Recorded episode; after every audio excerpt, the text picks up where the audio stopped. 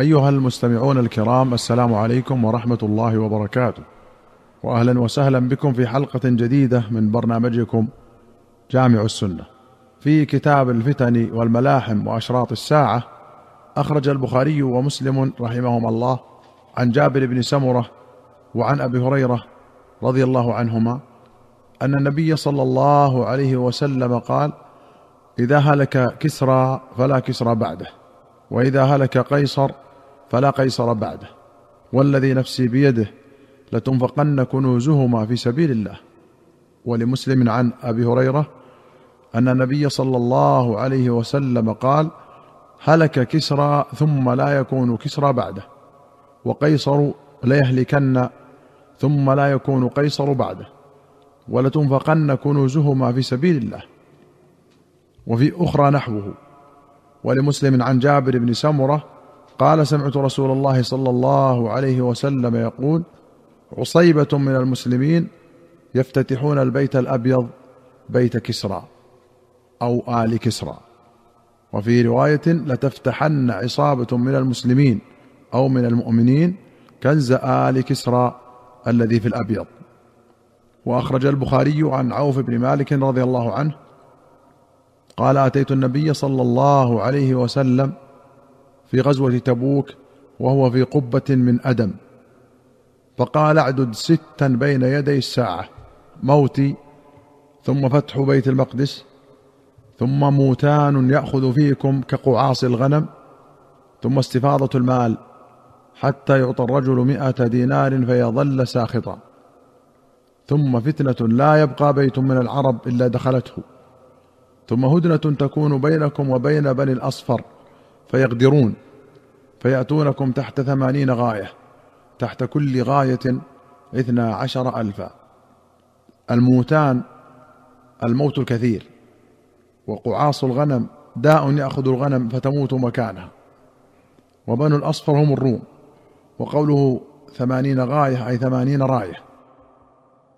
وأخرج ابن أبي شيبة وأحمد وابن ماجة وأبو داود وابن حبان والطبراني في الكبير والحاكم والبيهقي في السنن بسند صحيح عن ذي مخبر ويقال ذو مخمر الحبشي رضي الله عنه قال سمعت رسول الله صلى الله عليه وسلم يقول ستصالحون الروم صلحا امنا فتغزون أنتم وهم عدوا من ورائكم وفي رواية من ورائهم فتنصرون وتغنمون وتسلمون ثم ترجعون حتى تنزلوا بمرج ذي تلول. فيرفع رجل من أهل النصرانية صليبا فيقول غلب الصليب. فيغضب رجل من المسلمين فيدقه. فعند ذلك تغدر الروم وتجمع للملحمة. وفي رواية فيقوم رجل من الروم فيرفع الصليب ويقول ألا غلب الصليب؟ فيقوم إليه رجل من المسلمين فيقتله فعند ذلك تغدر الروم وتكون الملاحم. فيجتمعون إليكم فياتونكم في ثمانين غاية مع كل غاية عشرة آلاف وفي أخرى مع كل غاية اثنا عشر ألفا.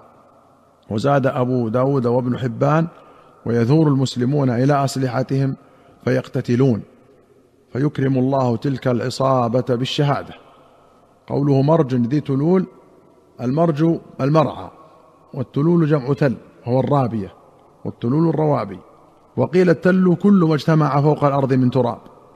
وأخرج البخاري عن أم سلمة رضي الله عنها أن رسول الله صلى الله عليه وسلم استيقظ ليلة فزعا وهو يقول لا إله إلا الله وفي رواية سبحان الله ماذا أنزل الليلة من الفتن؟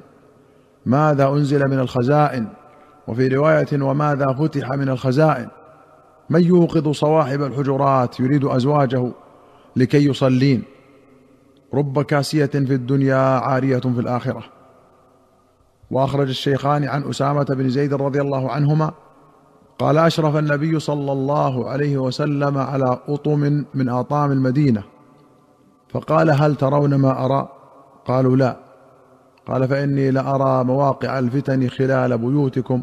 كمواقع القطر. الأطم بناء مرتفع كالقصر والحصن وجمعه آطام كظفر وأظفار. قال النووي رحمه الله التشبيه بمواقع القطر في الكثرة والعموم أي أنها كثيرة وتعم الناس لا تختص بها طائفة. وأخرج الشيخان رحمهما الله عن حذيفة بن اليمان رضي الله عنهما قال كنا مع رسول الله صلى الله عليه وسلم فقال أحصوا لي كم يلفظ الإسلام. فقلنا يا رسول الله أتخاف علينا ونحن ما بين الستمائة إلى السبعمائة قال إنكم لا تدرون لعلكم أن تبتلوا. فابتلينا حتى جعل الرجل منا لا يصلي إلا سرا. وللبخاري أنه قال اكتبوا لي من تلفظ بالإسلام من الناس. فكتبنا له ألفا وخمسمائة رجل. فقلنا أتخاف ونحن ألف وخمسمائة؟ قال فقد رأيتنا ابتلينا حتى إن الرجل ليصلي وحده وهو خائف. قال النووي رحمه الله لعلهم أرادوا بقولهم ما بين الستمائة إلى السبعمائة رجال المدينة خاصة. وبقولهم فكتبنا له ألفا وخمسمائة رجال المدينة مع المسلمين حولهم. وأما قوله ابتلينا فجعل الرجل لا يصلي إلا سرا فلعله كان في بعض الفتن التي جرت بعد النبي صلى الله عليه وسلم. فكان بعضهم يخفي نفسه ويصلي سرا مخافة من الظهور والمشاركة في الدخول في الفتنة والحروب والله أعلم. وأخرج مسلم عن حذيفة قال إن رسول الله صلى الله عليه وسلم قال وهو يحدث مجلسا أنا فيه عن الفتن فقال وهو يعد الفتن منها ثلاث لا يكدن يذرن شيئا ومنها فتن كرياح الصيف منها صغار ومنها كبار. قال حذيفة فذهب أولئك الرهط كلهم غيري. وأخرج البخاري عن أبي سعيد رضي الله عنه قال قال رسول الله صلى الله عليه وسلم يوشك أن يكون خير مال المسلم غنم يتبع بها شعف الجبال ومواقع القطر يفر بدينه من الفتن. وفي رواية قال عبد الرحمن بن أبي صعصعة قال لي أبو سعيد إني أراك تحب الغنم وتتخذها فأصلحها وأصلح رعامها. فإني سمعت النبي صلى الله عليه وسلم يقول يأتي على الناس زمان تكون الغنم فيه خير مال المسلم يتبع بها شعف الجبال ومواقع القطر يفر بدينه من الفتن. شعف الجبال رؤوسها ومواقع القطر مواضع المطر. والرعام في قوله رعامها المخاط الذي يسيل من أنوف الخيل والشاء من داء يصيبها والرعوم شديدة الهزال وفي الحديث فضل العزلة لمن خاف على دينه وقد اختلف السلف فيها فقال الجمهور الاختلاط أولى لما فيه من المصالح وقال قوم العزلة أولى لتحقق السلامة بشرط معرفة ما يتعين. وقيل يختلف باختلاف الأشخاص والأحوال. ويؤيد هذا حديث أبي سعيد أي الناس أفضل؟ قال مؤمن يجاهد بنفسه وماله في سبيل الله. قال ثم من؟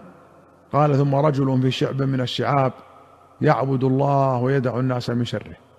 وحديث أبي هريرة من خير معاش الناس رجل ممسك بعنان فرسه في سبيل الله أو رجل في غنيمة في شعفة من هذه الشعاف. وقد تقدم الحديثان في كتاب الجهاد. أيها المستمعون الكرام إلى هنا نأتي إلى نهاية هذه الحلقة. حتى نلقاكم في حلقة قادمة إن شاء الله. نستودعكم الله. والسلام عليكم ورحمة الله وبركاته.